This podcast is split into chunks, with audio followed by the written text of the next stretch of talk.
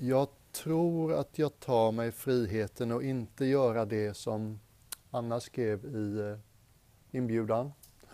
Jag tror inte i första hand den här stunden handlar om mitt liv som munk. Det finns så många versioner av det på så många ställen.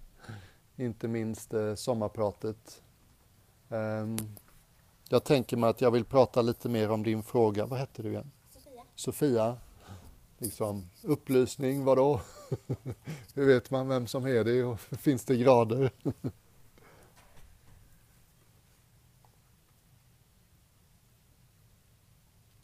Om jag tar ett steg tillbaka så kan man säga så här.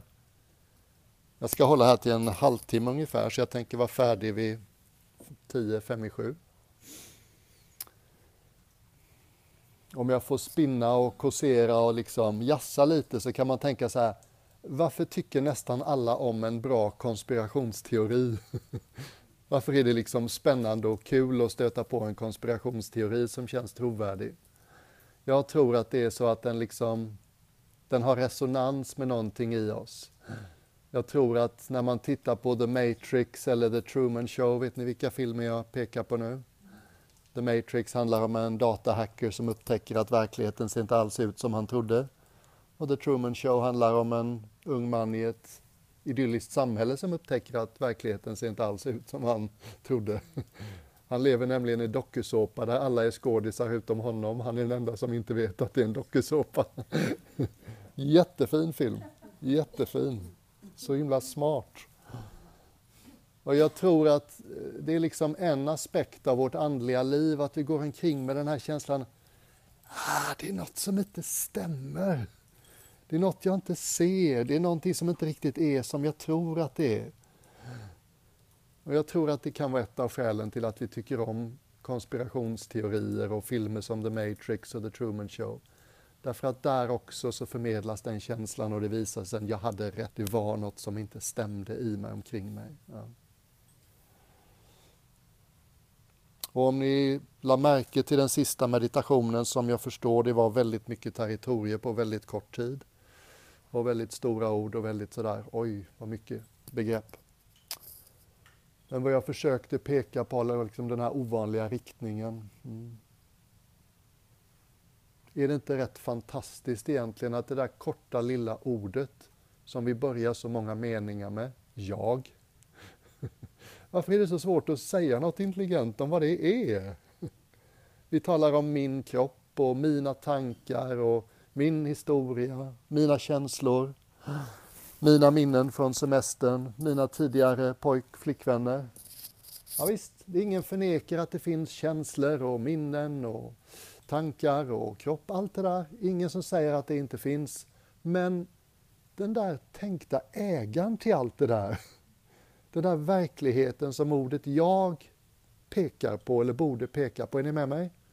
Ordet jag, det är bara ett ord. Och liksom alla ord värda sitt salt som inte är abstraktioner, de pekar ju på något underliggande. De är som ett vägmärke liksom. På den skylten står det Näs fabriker 2,5 kilometer. Ja, just det, den pekar dit. Vad pekar ordet jag på? Och varför är det så svårt och konstigt och ovanligt att intressera sig för, ja just det, det där ordet jag, vad, vad, vad pekar det ordet på? Vad är jag? Vem är den där som äger mitt hus?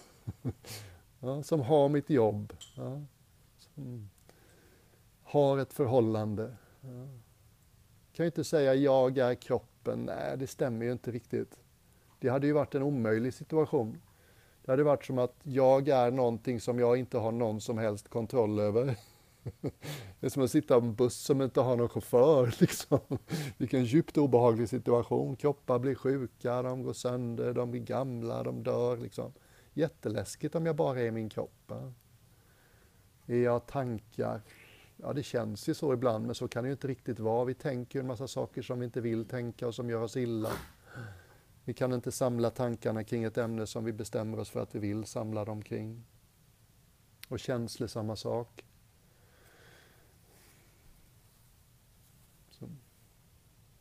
Det finns ju människor som upplever att de är sina känslor. Livet blir ju väldigt hysteriskt och turbulent. Mm. För känslor är liksom flyktiga. Så att förmodligen finns det liksom någonting djupare som vi faktiskt är än de här sakerna som kommer och går. Och jag fattar att det här är nytt. Ni ska veta att det jag pratar om nu hade jag en dålig känsla för typ första åtta åren som munk. Det här är en av de centrala bitarna i buddhism. Och så fort jag bara hörde ordet liksom, som det här representeras med i den buddhistiska skriften, så här, det där ämnet är så jäkla jobbigt, jag fattar aldrig det, jag känner mig alltid loss när de börjar prata om det. Så att ta det lugnt liksom om du tycker att det här är lite svårt att hänga med på. Om jag kan bli lite praktisk och ta ett exempel på någon som jag är övertygad är upplyst. Eckart Tolle. Mm. Väldigt populär eh, andlig lärare. Tysk från början. Så småningom så hamnade han på ett av de fina universiteten i England. Jag minns inte om det var Cambridge eller Oxford. Han filade på en doktorsavhandling i hispaniska språk. Han var djupt deprimerad. Och han gick på nätterna i sin lilla lägenhet och eh, funderade på att ta livet av sig. Och liksom var förtvivlad och deprimerad. Och en natt då när det blir som mörkast så säger han till sig själv Jag står inte ut med att vara med mig själv längre. och där är en smart reflekterande person. Och sen säger han till sig själv Vänta nu, jag står inte ut att vara med mig själv. Hur många är vi här inne egentligen? är ni med? Och faktiskt liksom börja tänka på vad man tänker. Väldigt eh, vaket tycker jag. Så liksom han tog just det där steget att vända uppmärksamheten helt och hållet i den ovanliga riktningen. Jag står inte ut med mig. Oj, oj, vem är jag? Vem är det som är förtvivlad och vem är det som inte står ut med vem? Och hallå, vad är, det, vad är den underliggande sanningen till de här konstiga meningarna? Och där vidtog en ganska autonom och självständig process som pågick under många timmar under natten. Och när han vaknade upp igen så fanns det ingen tendens att identifiera med egot, personligheten Eckart Tolle längre. Det var rent, vaket varsevarande som tittade ut genom hans ögon. Jag är här, jag är inte fångad av personligheten. Jag hörde en spännande intervju med honom många år senare när journalisten sa men bara ge oss en känsla för det uppvak och vara vaken och vara upplyst. Liksom. Hur ser ditt tankeliv ut idag? Och då var det så kul för han satte en siffra på det. Han sa jag skulle gissa att 80 procent av tankarna jag hade innan mitt uppvaknande, de är försvunnit och ersatts med stillhet. Det finns ett funktionellt ego, jag vänder mig fortfarande om när någon kallar mitt namn. Jag tar fortfarande hand om den här kroppen och ser till att den får mat och håller sig ren och varm och allt det där. Så att det inte är så att man liksom spacear ut och inte har något ego, utan det finns ett funktionellt ego, absolut. Men den här tendensen att tro på allt man tänker, den försvinner helt och hållet. Mm. Det finns en amerikansk kvinna som jag nämnde i en av meditationerna som heter Byron Katie. Jag tror många av er känner igen namnet. Hon var liksom en eh, fastighetsmäklare i Amerika. Hon hade någon slags, eh, vad ska man kalla det? Nervous breakdown, vad heter det på svenska? Psykbryt. Hon blev väldigt kolerisk och ilsk och hennes barn stod inte ut med henne. Hon fick hjälp från sitt försäkringsbolag. Ni vet i Amerika så har man ju privata med, ska vi säga, hälso, hälsoförsäkringar. Och det de kunde erbjuda henne det var liksom ett husvagn i en husvagnspark för kvinnor med ätstörningar. Inte speciellt funktionellt om man har ett nervöst sammanbrott. Men det var det hon fick. Så hon var där och liksom försökte att hitta lite balans i livet. Och hon hade en sån stark inre kritiker, det här som vi har pratat en hel del om idag, som var så sträng mot henne så att på nätterna ibland så sa den här rösten till henne, eller hon sa till sig själv att jag förtjänar inte att sova i sängen i natt. Så sover jag på golvet. Är ni med? Fatta liksom. Inte nog med att du är övergiven av dina barn, make har skilt sig från dig, du har hamnat i en husvagn på liksom, husvagnspark för kvinnor med ätstörningar, ditt liv är slaget i spillror och ovanpå allt detta så är det någonting i det som säger till dig vissa nätter, jag förtjänar inte att sova i sängen i natt. Och de nätterna lägger hon sig på den här smutsiga heltäckningsmattan. Liksom. Det är ju så sorgligt och hemskt på alla sätt och vis. Hon hade ingen, precis som Eckart Tolle, inga tydliga andlig inriktning. Det var inte en person som hade mediterat eller hade ett religiöst intresse innan. Och en sån här hemsk natt när hon vaknar på morgonen på det här skitiga, förmodar jag, heltäckningsmattan på golvet i husvagnen så öppnar hon ögonen. Och det första hon ser är en kackerlacka. Och den här kackerlackan är det vackraste hon någonsin har sett. Och det första hon upptäcker är att det är inte längre jag som tittar ut genom mina ögon. Hon, hon kallar det pure awareness, liksom rent varsevarande. Mm. Så att de här historierna hjälper mig lite. Ta bilden av Jesus på korset, den är också liksom ganska desperat som de här två andra. Jag vill inte förmedla känslan av att man måste bli totalt förtvivlad och desperat och ensam. Men några av de historierna som har blivit kända tyder på att det ibland är fallet. Och Jesus är också lätt att leva sig in i. Tänk att han hängde där. Han hade gett allt, liksom. Satsat allt på att försöka dela vad han tyckte att han hade upptäckt. Till slut så förråder en av hans närmaste honom. Nästan alla hans nära, de överger honom. De finns inte där i hans svåraste stund. När han spikas upp på ett romerskt tortyrinstrument, det är inte svårt att förstå hur vidrigt, vidrigt smärtsamt det måste vara att få spikar genom handleder och anklar. Den så här bilden liksom av bara episk ensamhet och förtvivlan. Och enligt skrifterna då så tycks han gå igenom en fas när han säger typ Min Gud, min Gud, varför har du övergivit mig? Och känna sig förrådd, övergiven av alla som betydde något för honom nästan. Jag tror det är typ Maria Magdalena och hans mamma och jag vet inte, det är inte många som står där nedanför, det är inte många som är med honom. Och så upplever han då till och med att Gud tycks ha övergivit honom. Liksom, kan man tänka sig ett ensammare människoöde? Och sen tänker jag mig, och det här är förstås min egen spekulation, sen tänker jag mig att någonting släpper. Han slutar identifiera med egot. Han slutar liksom att bara bo i den lilla personen. Någonting släpper i ren förtvivlan och smärta. Och då får han tillgång till någonting som är så oerhört mycket större. Och vad han ska ha sagt härnäst, liksom enligt Bibeln, är typ uh, Ske din vilja, inte min. Liksom. The great letting go, liksom. Kan man tänka sig mer magnifikt släppa taget ögonblick sådär. Mm. Så det verkar som att vi måste släppa taget om det lilla för att få tillgång till det stora. Och det är svårt för människor att tapsa och släppa taget om det lilla. Och för många krävs det någon slags motgång och svårighet. Inte alls alltid så förstås, men ofta. Inte minst med de som inte har någon tidigare andlig bakgrund. Det finns en underbar munk i eh, Thailand, fanns en underbar munk i den thailändska traditionen. Lung Podun hette han. Han var lite berömd för att han var liksom, skogstraditionen i Thailand är nästan antiakademisk sådär. Så att eh, man uppmuntrar inte allt för mycket studerande av skrifter. Och de här skolastikermunkarna i Thailand, de kan liksom dissa skogstraditionen lite för att de vet för lite om skrifterna. De buddhistiska skrifterna i Thailand, deras omfång är typ 12 gånger så stort som Bibeln, så att det är mycket att ta in. Plus ännu mycket mer kommentarer och apokryfer och senare skrifter. Men han hade koll på både skrifterna och på meditationen. Och thailändska kungen och drottningen hörde till hans liksom följe. De kom till honom ibland och ställde lite frågor. Och någon gång när de var och besökte honom så knäppte thailändska kungen 10 000 kronors frågan och sa liksom Käre Lung Podun, blir ni någonsin arg? Det är lite sådär, ni vet, kolla, kolla, är han upplyst eller? Och Lungpodon svarar så himla fint på thailändska så sa han bara Mi, demai ao. Och det är thailändska för ungefär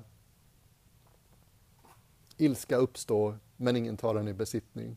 Ja. Tänk att ha liksom så fullödig tillgång till rent varsevarande så vad som helst kan röra sig igenom ditt medvetande. Ilska, sorg, rädsla, vrede, självupptagenhet, avundsjuka, whatever liksom mitt rum är så himla stort så allting kan komma igenom. Jag tar inget i besittning, men allt är välkommet. Är ni med mig? Det är väldigt så här storslaget. Och då kan jag känna, aha, men det där är en bild av upplysning som jag kan ta till mig. Om upplysning innebär att man aldrig igen ska bli liksom kåt, irriterad, otålig, arg, girig, eh, sugen på lite marshmallows eller whatever. Då får vi vänta till kossorna kommer in innan jag kan bli upplyst. It's never gonna happen. Men om det inte handlar om att bli av med allt som vi liksom ibland kallar typ negativa känslor eller egoidentifierade känslor. Om det finns plats för sånt fortfarande fast det säkert tonar ner ganska rejält i intensitet. Men om det får finnas kvar då minsann, då blir jag nyfiken. Jag hade en eh, frukostarna i England på klostret, de kunde vara rätt, eh, ska man säga, tålamodsprövande. Ni vet, 25-30 excentrisk, djupt excentriska människor som ska försöka leva i kollektiv. Och beslutsmodellen som buddhan liksom presenterade, det var konsensus. För att ge en känsla av hur svårt det kunde vara så tog det liksom ett år för munkkollektivet på Chitters, där jag bodde i sju år. Det tog oss ett år av möten för att bestämma oss för att vi skulle ha en katt. Så om du tycker du sitter i många jobbiga möten på jobbet liksom, så kan du trösta dig med att vi satt i väldigt många jobbiga möten där. Och varje dag liksom frukosten, ganska sådär högtidlig affär, alla sitter och äter sin lilla gröt och müslibit, ofta i tystnad och sen efter man har ätit färdigt så pratar man lite om dagen. Sådana grejer som okej, okay, som vanligt behövs det fyra som diskar, tre som lagar mat, en som tar resterna till grisfarmaren en kilometer bort och, liksom, och det här lite motiga att folk inte vill kliva fram för mycket och för ofta. Och en dag efter frukosten så var det en nunna som kom med en PC, en laptop och det var ganska ovanligt. Jag hade ju ingen PC själv och hade knappt sett någon, någon gång. Vi hade några stationära datorer på kontoret. Och så sa jag vill visa er en Youtube eh, eller en, en video. Ja, vad kul, så där. det hände något ovanligt underhållande, yes. Och det var det en sån här levande legend i Thailand, Ajahn Mahaboa, en av de mest berömda, kanske den mest berömda skogsmunken på hela 1900-talet. Och en sån riktig krigare, riktig machomunk liksom. Ut och sitt ensam där tigrar ryter och du blir rädd för ditt liv liksom. Det är vägen till uppvaknande. Jag tror inte han säger så, men han har lite den, eh, lite den, eh, vad ska vi säga, imagen. Och han blev enormt populär mot slutet av 90-talet i hela Thailand. Han bestämde sig för att han ensam skulle rädda Thailand ur sin ekonomiska knipa. Så han sa till alla thailändare, ge, ge så mycket ni har, mig kan ni lita på liksom, så att det bara, ni vet, skottkärror fulla med guld liksom eh, ackumulerades när han var ute och höll föredrag, folk blev inspirerade. Han hanterade ju aldrig själv, men människor som han litade på hanterade. Och de betade liksom av en rejäl bit av Thailands statsskuld med alla de här donationerna. Men någon gång i den här fasen när han var så stor, det satt tusentals människor i publiken, han höll ett föredrag. Och då berättade han sitt eget uppvaknande och ögonblicket det skedde. Och det skedde typ 1957. Det här är 40 år senare.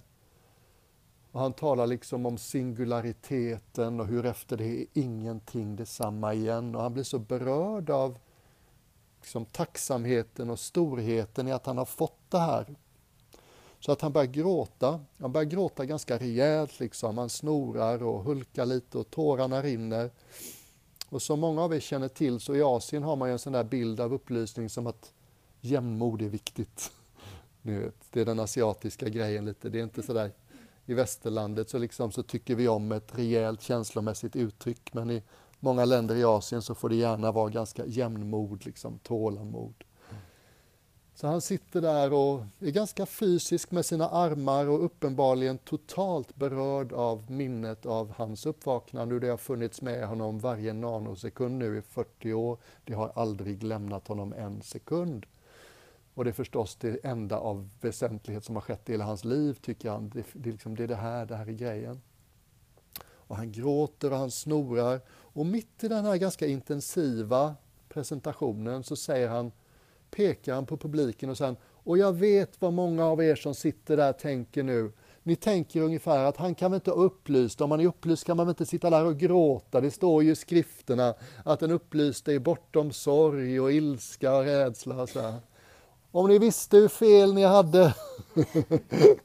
Bara för man är upplyst så slutar inte personligheten att fungera. Personligheten den är som den är och den gör som den gör och det kan man inte ändra så mycket på. Alla har sin personlighet och min personlighet är sån här. Den liksom berörs och känner igen och blir så himla tagen av minnet av det här fantastiska som hände. Och sen finns det någonting annat närvarande också. Pure awareness, rent varsevarande. Och det är totalt fine, cool, ledigt, avslappnat med all den här känslomässiga stormen. Liksom. Det är helt bekvämt att vara närvarande i det och betrakta det utan några som helst invändningar. Och det tyckte jag var så fint. Ja, det är så det funkar. Vi får tillgång till någonting som är mycket, mycket större och som är kapabelt att hålla, möta, välkomna allt. Det innebär, det innebär inte att vi ska utveckla någon slags robotpersonlighet som aldrig blir kåt eller irriterad eller otålig eller sugen på något. Inte alls. En utåtriktad sinnlig person blir en upplyst utåtriktad sinnlig person. En inåtriktad intellektuell person blir en inåtriktad intellektuell upplyst person. Ja. Och sen är det klart att det har en effekt att bli lite mer bekväm i sitt eget skinn. Ja. Jag gissar att den inre kritiken lugnar sig ganska mycket när man slutar identifiera sig med egot. Den har liksom ingen funktion längre då, så det är klart det händer saker och att det känns alldeles annorlunda. Men är ni med mig? Det här, jag fattar att det är ganska så här djup topic at the end of a long day, men för mig har de här påminnelserna varit, jaha, det är så det funkar. Och då kanske det finns hopp för mig med då. och sen har vi din fråga om liksom, Finns det nyanser? Finns det grader? Ja, det gör det. Absolut. Det finns ju, jag menar, olika traditioner beskriver det här på olika sätt. En ganska fin beskrivning från min egen tradition, skogstradition, det är, det som, eller ja, det är från ska vi säga, sydländsk buddhism, den sortens buddhism som du hittar i Laos, Thailand, Kambodja, Sri Lanka, Bangladesh, några länder till. Där beskrivs det som att det första uppvaknandet är som att du går i ett mörkt landskap och sen blixtrar det till. och en kort sekund så ser du hur allting ser ut. Liksom. Du ser allting i ljus.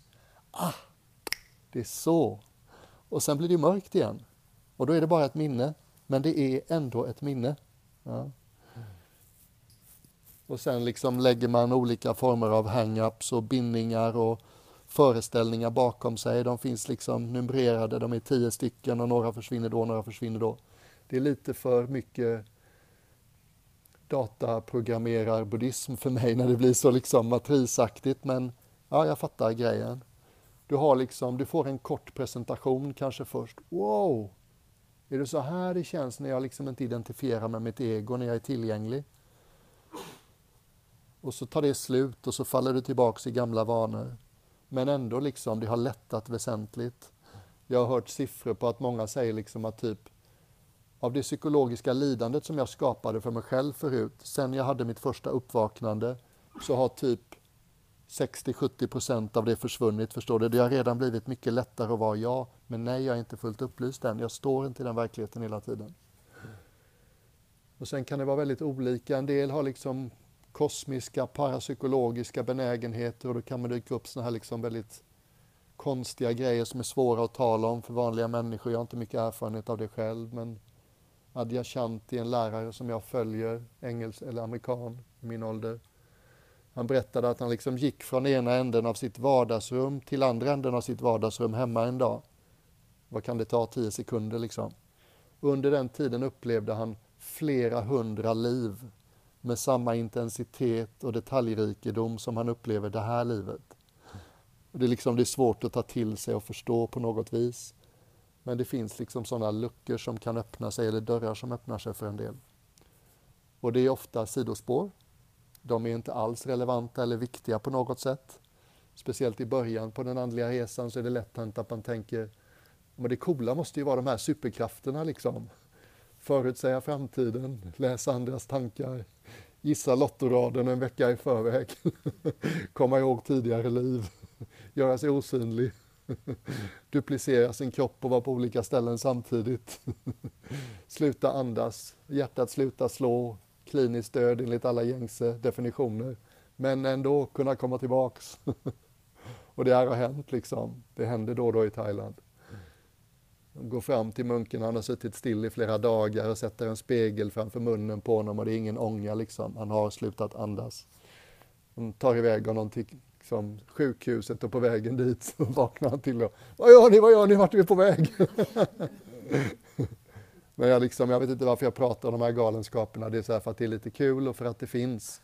Men kanske mera för att säga om du är en sån som tror att det ska till såna där liksom spektakulära special effects, glöm det. Special effects är special effects. Ja. De är inte på något sätt nödvändiga, de kan väldigt ofta vara hinder. Man kan liksom bli lite full av sig själv. Jag har minst 200 tidigare liv och jag kan läsa ditt medvetande bättre än du kan just nu och jag förutsäger att imorgon så kommer det börja regna klockan 19.22 i norra Halland där jag bor. och lottoraden börjar med 6, 18, 11. så. så visst, det tycks finnas nyanser. Det gör inte alltid det. Det tycks som vissa liksom går binärt från oupplyst till fullt upplyst. Men det är väldigt, väldigt få. De blir ibland ganska berömda. Det finns några sådana exempel i Indien. En ung man som du vet 16 år gammal så dog en morbror. Han hade aldrig haft något andligt intresse innan. Det enda konstiga med honom var att när han sov så sov han så djupt så hans kompisar kunde bära runt på honom. Han hade någon slags djupsömn som var helt ovanlig. Han kom hem från skolan en dag, jag tror inte ens han var 16, typ 14-15 och tänkte, undrar hur det är att dö. Ni vet, som en ung människa gör. Och så la han sig på golvet eller på en madrass i sitt rum och så sa han, ja men nu ska jag, nu ska jag liksom tänka mig att jag dör.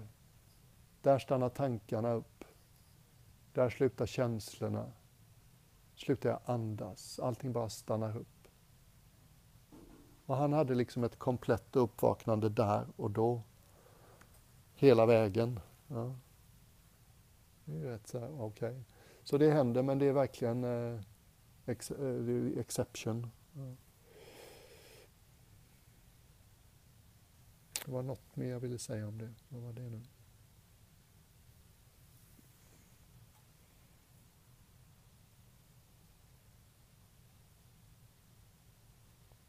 Nej, det försvann.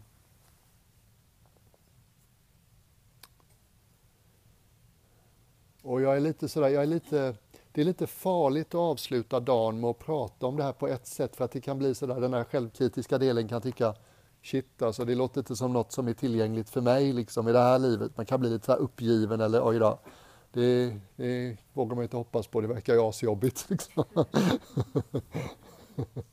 ja. Och det kan också låta lite sterilt eller ensamt.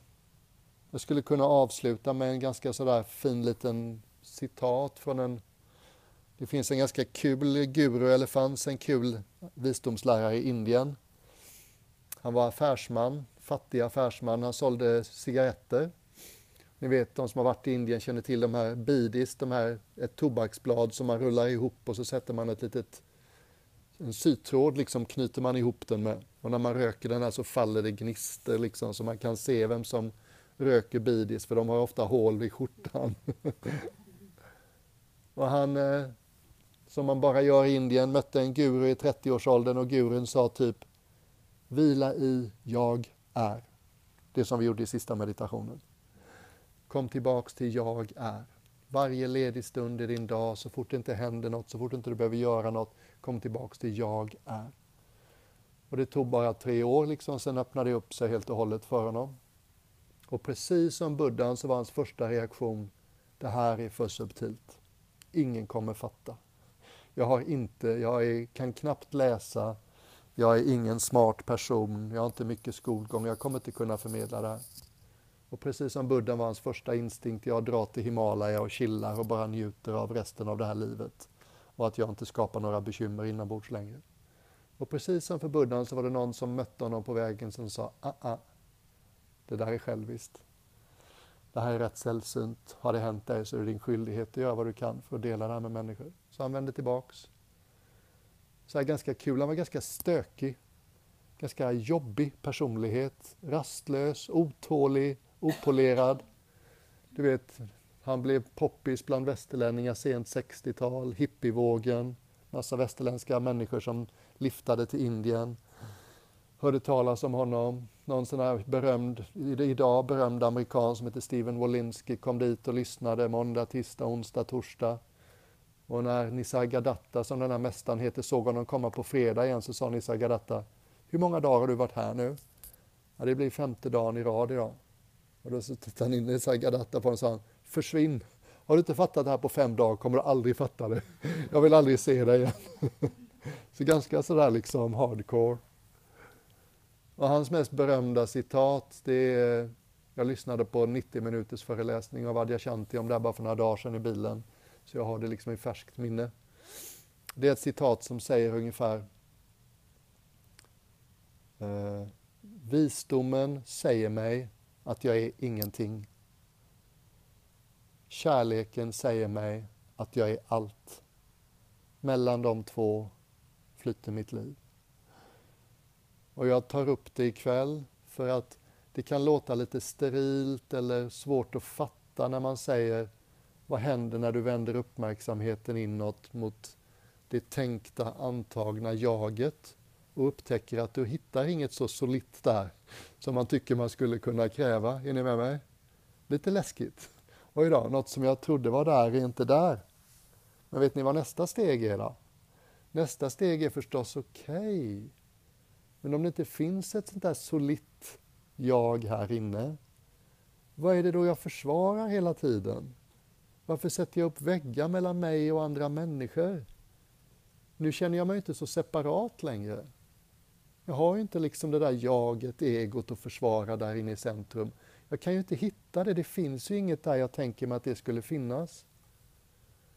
Då försvinner separationen med andra, då sänker jag garden. Och ett av de minst romantiska sätten att tala om kärlek, som jag nämnde i en meditation, det är icke-separation.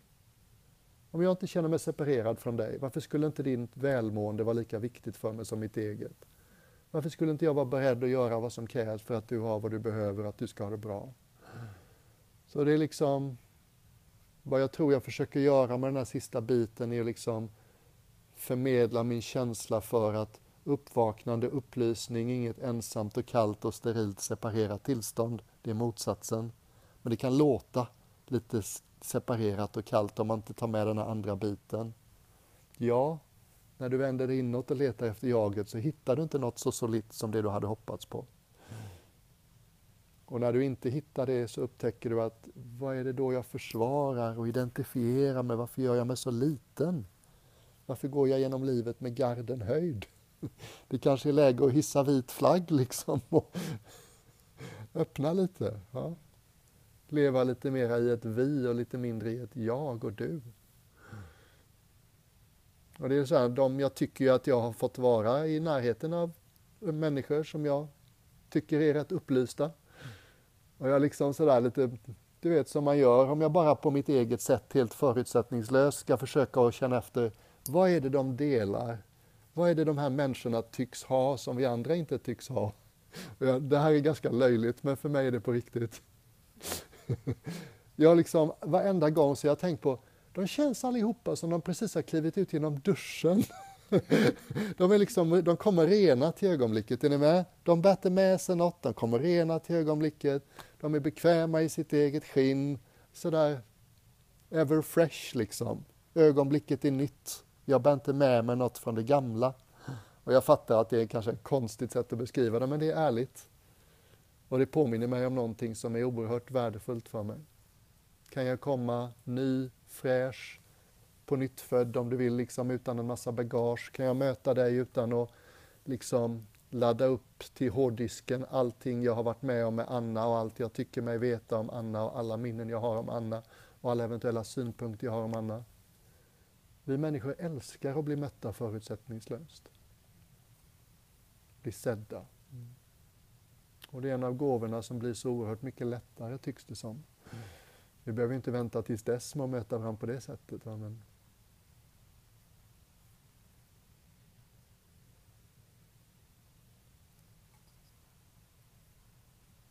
This is it. det känns som en bra plats att liksom sätta punkt på. Ja.